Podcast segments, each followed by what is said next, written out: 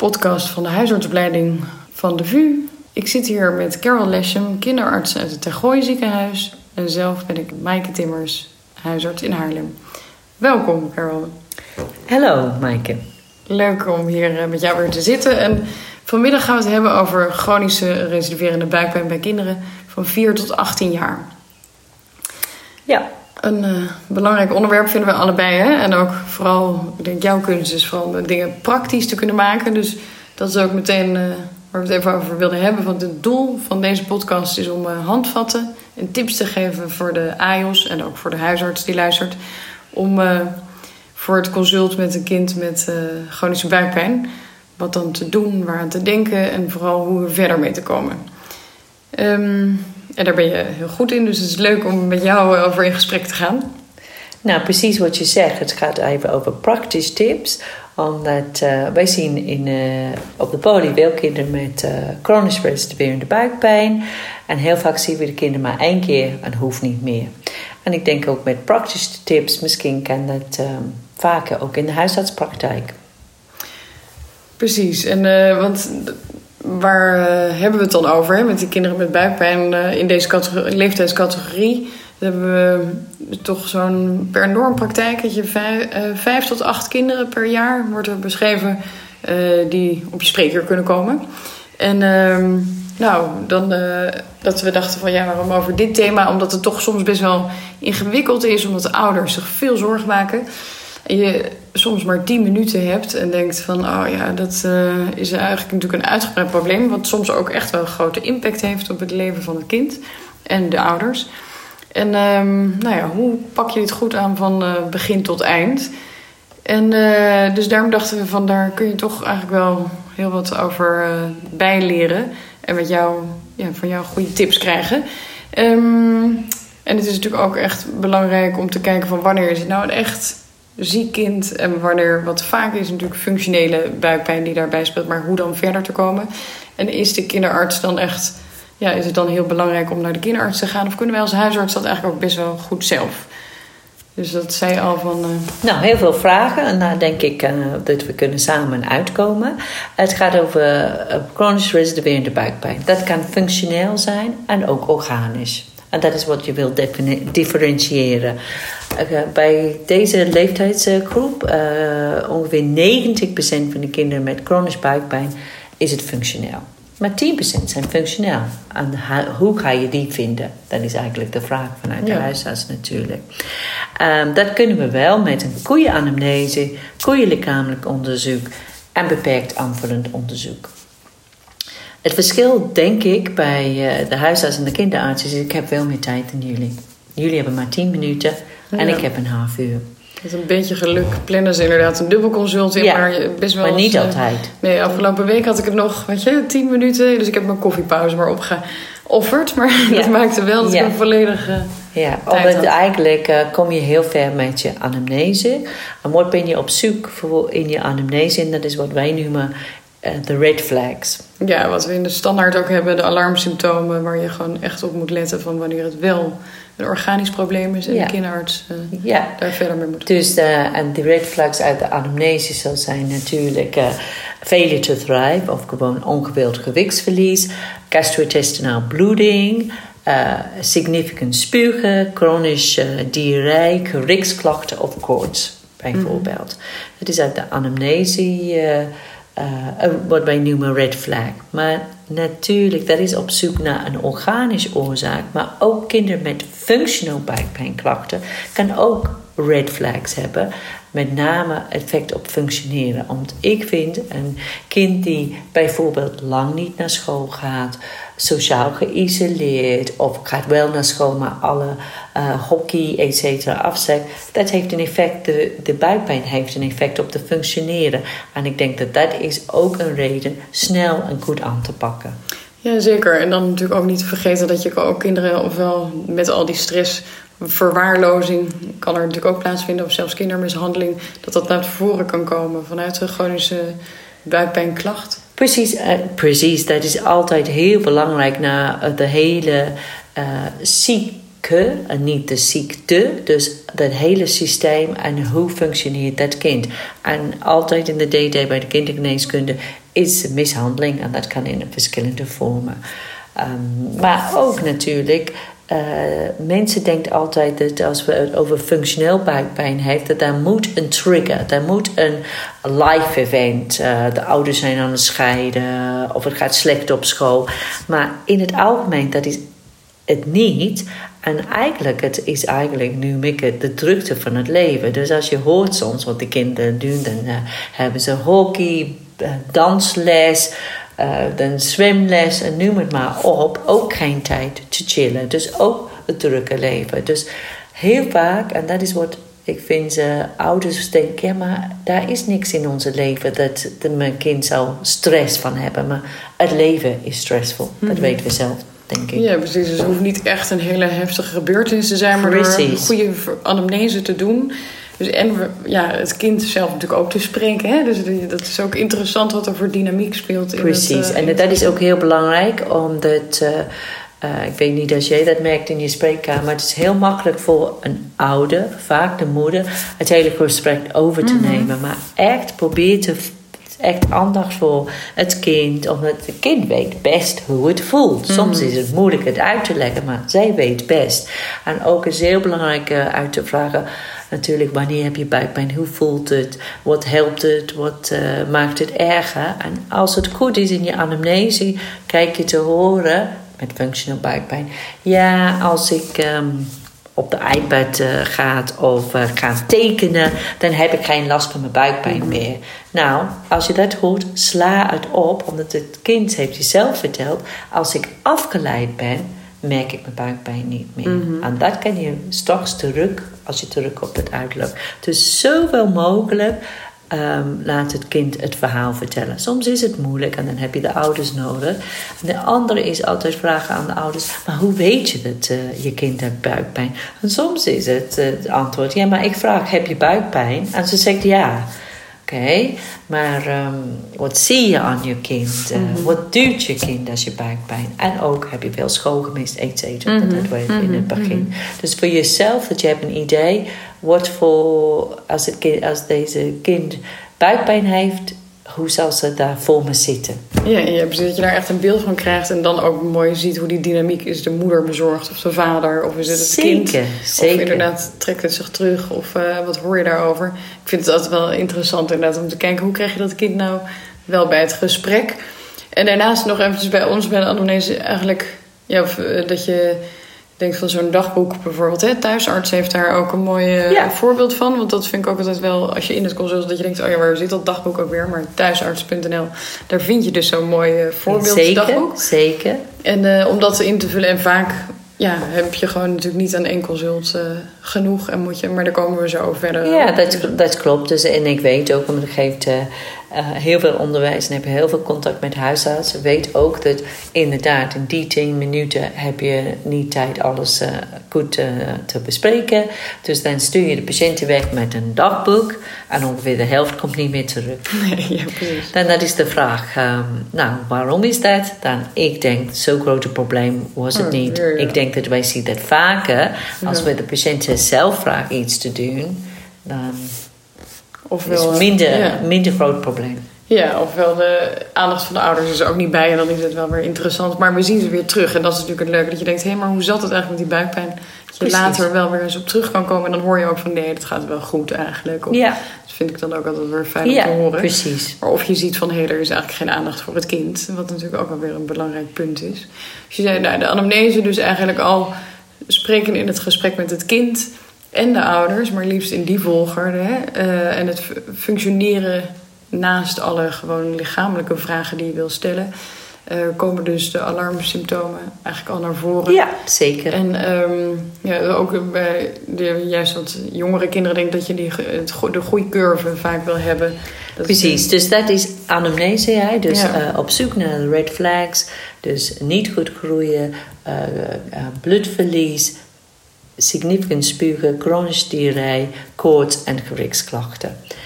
Maar bij lichamelijk onderzoek, dus anamnese is altijd belangrijk, kom je ongeveer 90% van wat aan de hand is uit een anamnese, maar lichamelijk onderzoek.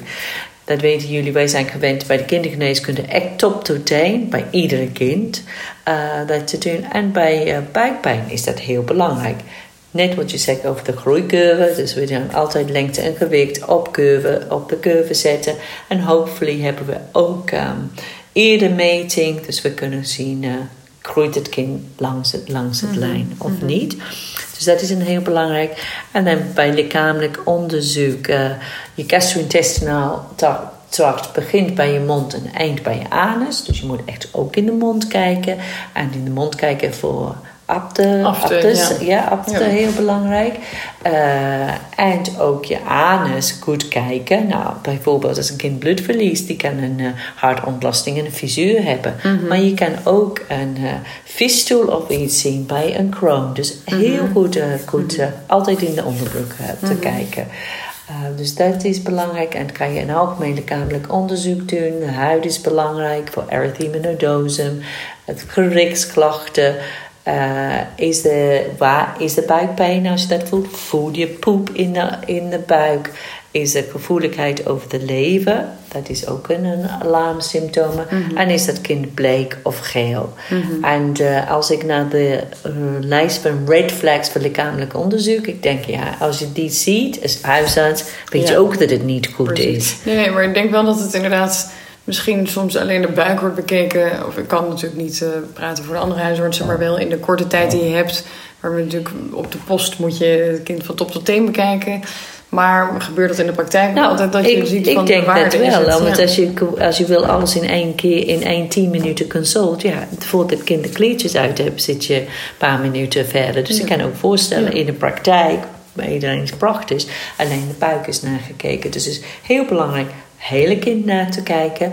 En niet alleen op zoek naar dan die alarmsymptomen bij lichamelijk onderzoek. Maar ook eerlijk gezegd dat de ouders hebben het gevoel dat je hebt echt naar het kind gekeken. Precies, uh, dat is wel ook echt een belangrijk punt. Hè? Dat je denkt van uh, ja, dat, dat je en het hebt gehoord en je hebt gewoon goed gekeken. Want wij als huisarts kunnen de kinderen heel goed nakijken. Zeker. En uh, als je echt kijkt, dan zien zij ook dat. De, ik merk het afgelopen week weer dat je denkt, ja, dat heeft echt wel weer zijn goede weerslag op de ouders, op het vertrouwen wat ze hebben. Dat je echt zorgvuldig kijkt. Kost allemaal tijd, maar daardoor ook uh, moet je die tijd nemen. Maar uh, of wel dat je het faseert, dat je zegt we doen nu dit en je komt weer terug en dan kijk nog uitgebreider of zoiets. Hè? Zo kan je natuurlijk Precies, je kan hem wegsturen met een uh, buikpijnlijst en terug en de rest doen als het terugkomt. Ja, ja maar wel dat je het echt ook uh, doet en niet vergeet, omdat dat dus ook je ja, je betrouwbaarheid als dokter denk ik ook vergroot. Want vooral als je denkt, we hoeven echt niet naar de kinderarts, dan heb je ook echt goed gekeken. Ja. En dat is wel een belangrijk punt. Ja. Dat is een heel belangrijk punt, omdat uh, door je anamnese in lichamelijk onderzoek kom je zover te denken, nou, dit is uh, uh, hoog in mijn DD of werkdiagnose zat functioneel buikpijn. En dat moet ik dan verkopen. En hoe ga ik dat doen? Dan zeg ik, nou, ik heb uh, alle deze vragen gesteld. En ik heb heel goed nagekeken. En ik vind geen red flags. Maar als je dat hebt niet gedaan, dat kan je niet vertellen. Nee, ben je ook niet betrouwbaar. Nee, nee, nee. nee, Dus, dus dat, uh, dat, is de, dat is een heel belangrijk deel van, uh, van je diagnostiek eigenlijk. Ja, ja, precies. Daar kom je al eigenlijk heel ver mee. En dan gaat het om het aanvullend onderzoek van wat hebben we dan eigenlijk nog nodig. Nou ja, de standaard zegt ook uh, uh, van ons aantal dingen, maar dat is een beetje ingewikkeld dat je acute en uh, chronische buikpijn door elkaar Ja, maar ik, ik, ken jullie standaard inderdaad. En wat ik vind, ik ben niet eens met de standaard. Um, maar dat staat ook met chronische buikpijn uh, op deze leeftijdscategorie een urine te doen. Nou, dat heeft niet zoveel zin. Omdat ja, als je buikpijn hebt van uh, urine uh, wegklachten, heb je meestal andere klachten. Mhm. Dus alleen buikpijn uh, niet. Mm -hmm. daar staat ook advies van celiakie um, onderzoeken. En dat is alleen als je niet goed groeit of je chronisch diarree of een positieve family anamnese voor mhm. celiakie. Nou, ik vind, en ook de richtlijn van de NVK, is dat iedereen ook met buikpijn zonder uh, alarmsymptomen uh, een celiakie screening verdient. Mhm. En de reden daarvoor is in ongeveer tussen 2 en 4 procent van kinderen met chronische buikpijn zonder alarmsymptomen hebben ze toch celiakie. Mm Dus je vangt er nog echt Dus je van vangt het. Ja. op. Ja. En ook celiakie komt vaak voor. Het is ondergediagnoseerd. Ja. En ook de bloedonderzoek, de TTG, anti-TTG, is heel betrouwbaar. Mhm. Ja, precies. En dat is wel echt eh, belangrijk om wel te controleren. Want we weten natuurlijk ook bij de volwassenen steeds meer Ja, eh, komt naar voren hoe ondergediagnosticeerd het is. En zeker.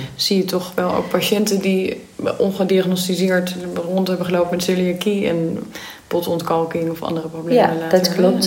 En celiakie is niet alleen een eh, kinderziekte. Het komt het presenteert op alle leeftijd. Mhm. En ook eh, tegenwoordig vinden wij dat celiakie is niet, een, eh, is een, is niet alleen een, een ziekte van de darm. Het is eigenlijk een systemische ziekte dat begint in de darm. Dus het is een auto-immuunreactie op gliadine. Dat zit in gluten.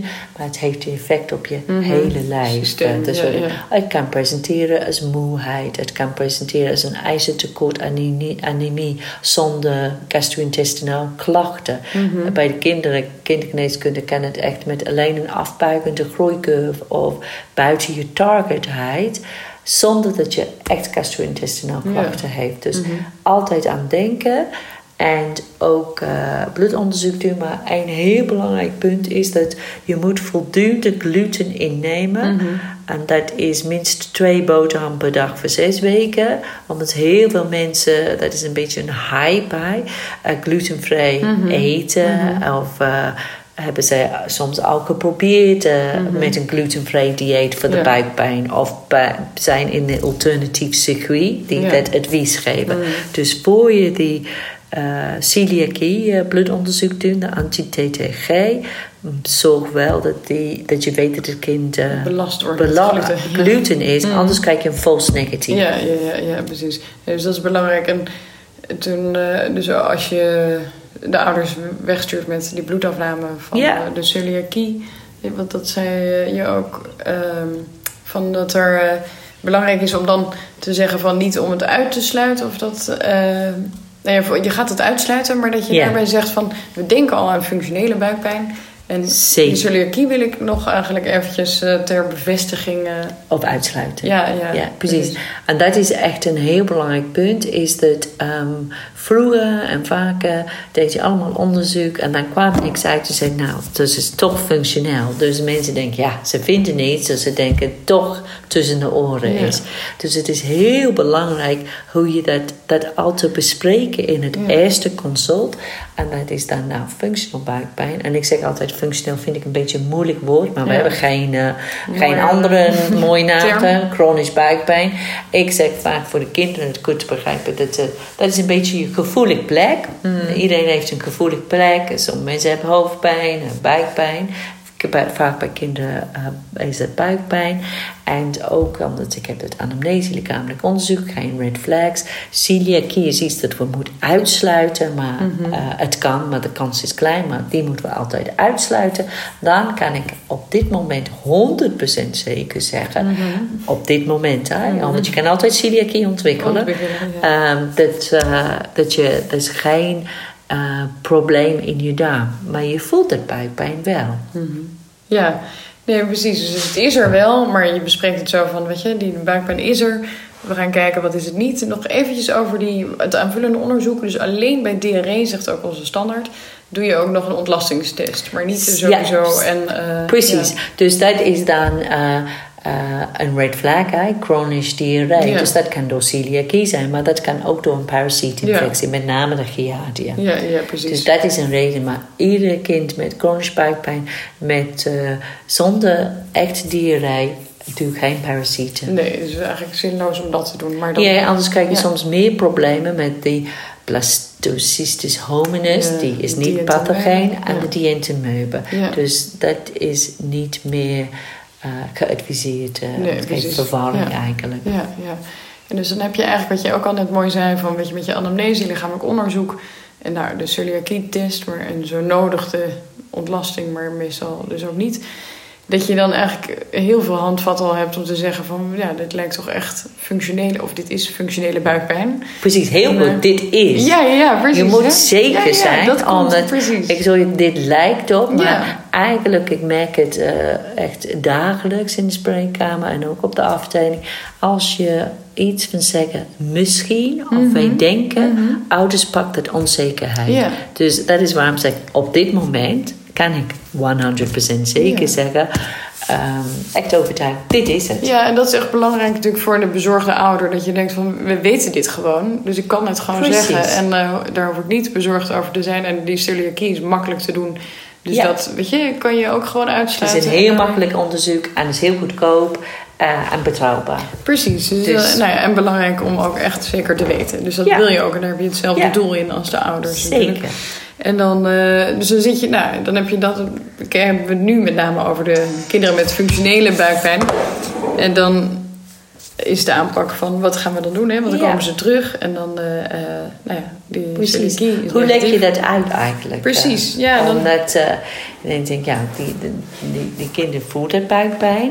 Ehm, en- maar hoe komt dat? We willen altijd een verklaring van alles. Een paar jaar geleden had ik, had ik een enorm stressvol eh, periode in mijn leven. En ik heb nooit zoveel buikpijn gehad. Dus ik denk, wij erkennen dat allemaal. eh, dat, ja, dat is onze gevoelig punt. Het kan van stress zijn, maar ook andersom. Dat zeg ik ook soms tegen de ouders. Ook als je verliefd bent, je kijkt vlinders in je buik. Dus ja, dan Een positieve een positieve benadering van ja, ja, ja. buikpijn. Of als je een toets vroeger deed, dat je dan had ook last van je buik of moet vaak naar de wc.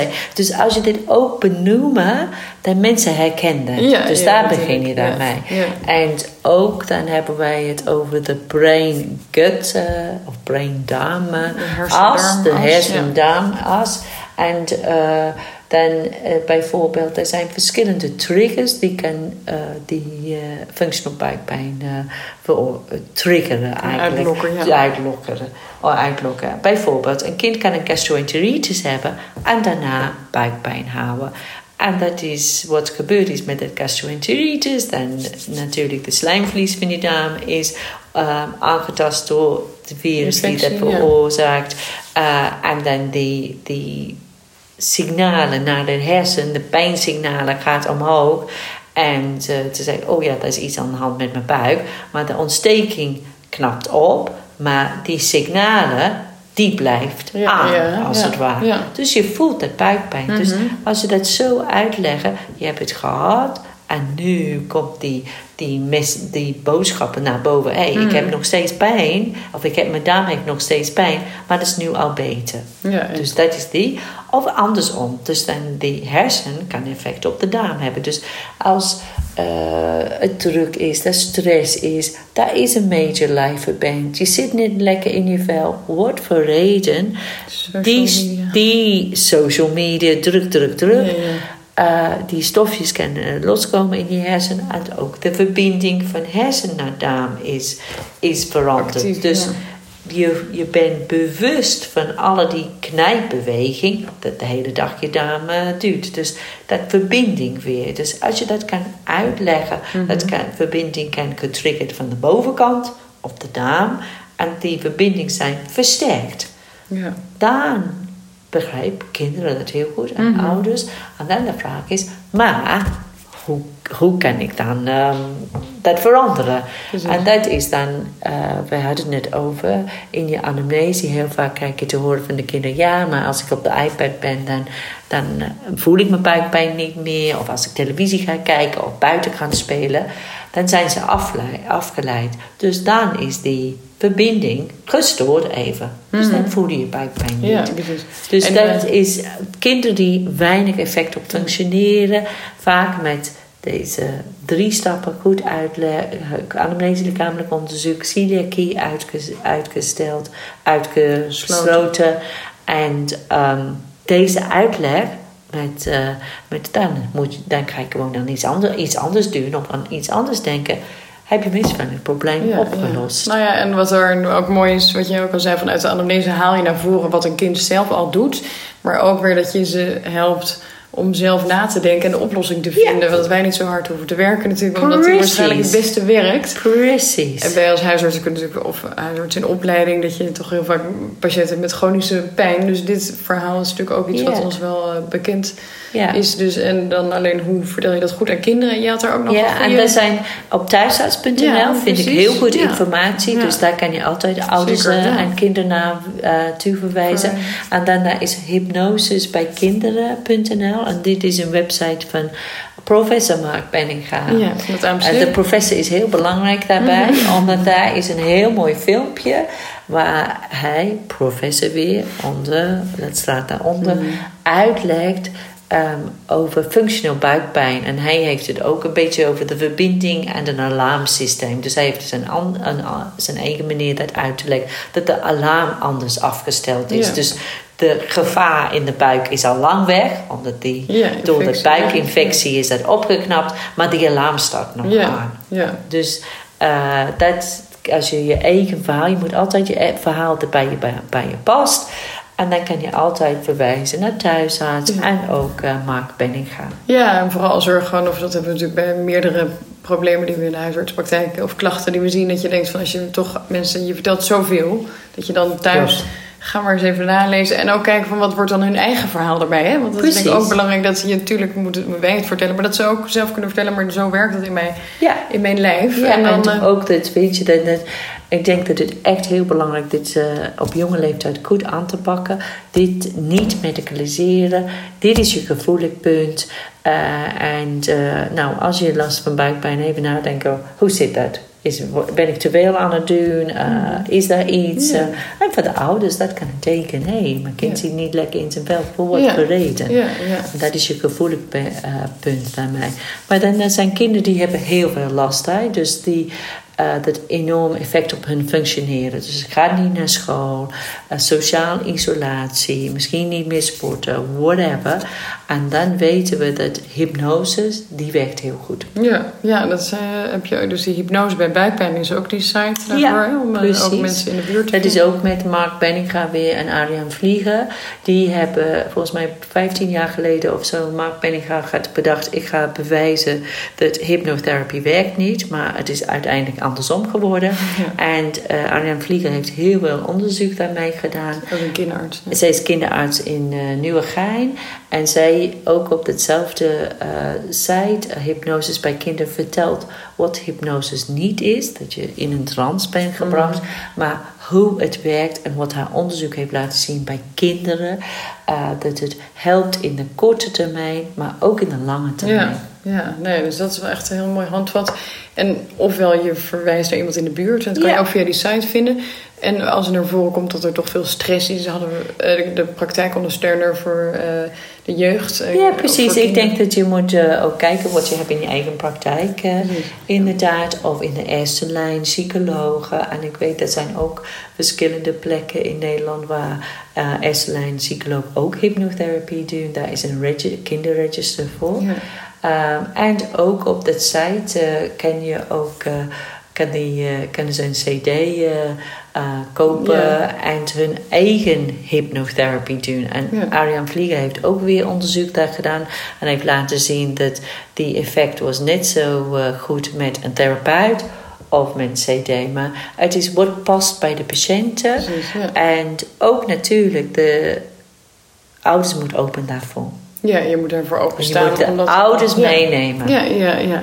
Maar ja, nou, en eh, daarnaast had je, was er nog een studie waarbij macrogol, als er toch obstipatie was, dat je, als dat gegeven wordt, dat vond ik nog wel een interessant beetje.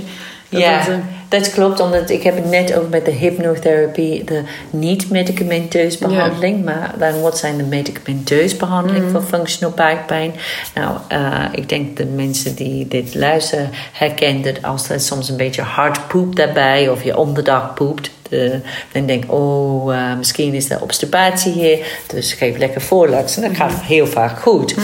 Nou, de vraag is, is dat door de voorlax? Eh, Per definitie, eh, obstipatie is is heel anders dan uh, een beetje hard poepen en om de dag poepen.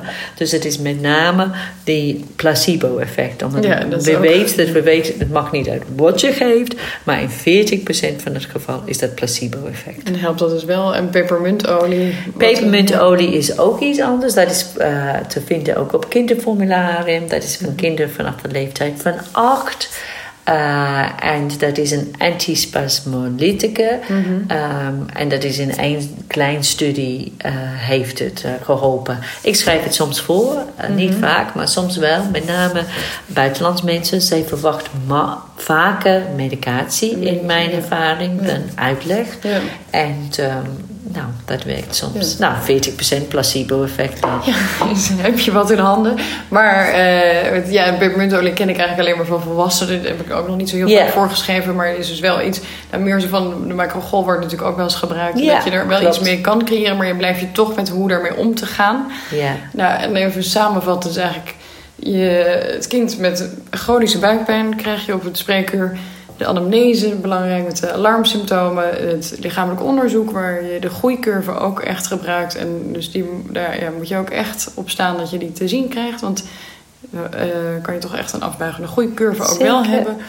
En dan ehm, eh, beperkt aanvullend onderzoek met de celiakie. En alleen bij diarree de eh parasietenonderzoek.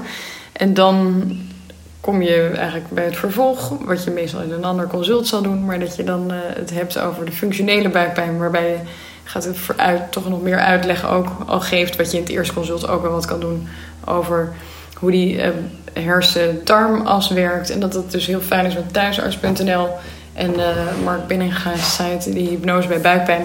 Dat je daar ook al veel uitleg bij hebt en meteen ook de oplossing of een mogelijke Ja, precies. oplossing. Om te kijken van hey, hoe kunnen ze zelf aan de slag? Hoe kun je ze begeleid met een therapeut die hypnose aanleren? Of is de macrogol die je even gegeven hebt ook al voldoende om iets eh, Soms te is doorbreken? dat ook zo. En soms is alleen maar uitleg voldoende. eh, in mijn ervaring, met name die kinderen die functioneert goed. Ja. Dat is meestal onrust. Waarom heeft mijn kind buikpijn? En als de ouders hebben het gevoel dat je heel erg goed heeft nagekeken, geluisterd, nagekeken, dan is celiakie uitgesloten en komt met een verhaal, dan heel vaak eh, Ja, dan kan heb je het opgelost. Precies, als huisarts heel mooi hier het oplossen. En dan heb je, nou ja, kom je goed beslagen te uit, denk ik, met deze praktische tips en handvatten om eh, zelf te kijken van hoe dit eh, aan te pakken. En wel, nee, het is ook altijd fijn te weten dat het overleg met jullie als je denkt van klopt dit nou Zeker. helemaal? Om even als je toch een vraag hebt dat je niet per se hoeft in te sturen, maar even kan kijken van Ja, moet ik er, vergeet ik daar nou iets mee? Maar eigenlijk dat je dan, eh, nou ja, misschien bij jullie eh, toch ook wat minder hoeft te verwijzen, omdat je als huisarts dit echt heel goed kan eh, oplossen. Nou, ik denk dat ook eh, met, met praktische tools kan je zelf ver, ver komen. Ehm, en ik ben heel lang kinderarts. En wat ik vind zelf is echt in de loop van de jaren... mensen zijn veel meer open Ja. eh, van het... eh, relatie tussen je hersen en je lijf. Dat, Ja. eh, dat het niet gewoon separate Nee, van nee, elkaar. nee, je hoofd en je echt, lijf, ja. dat, dat is echt gewoon veel makkelijker geworden omdat misschien ook door die enorme drukte van het leven, ouders herkennen heel veel.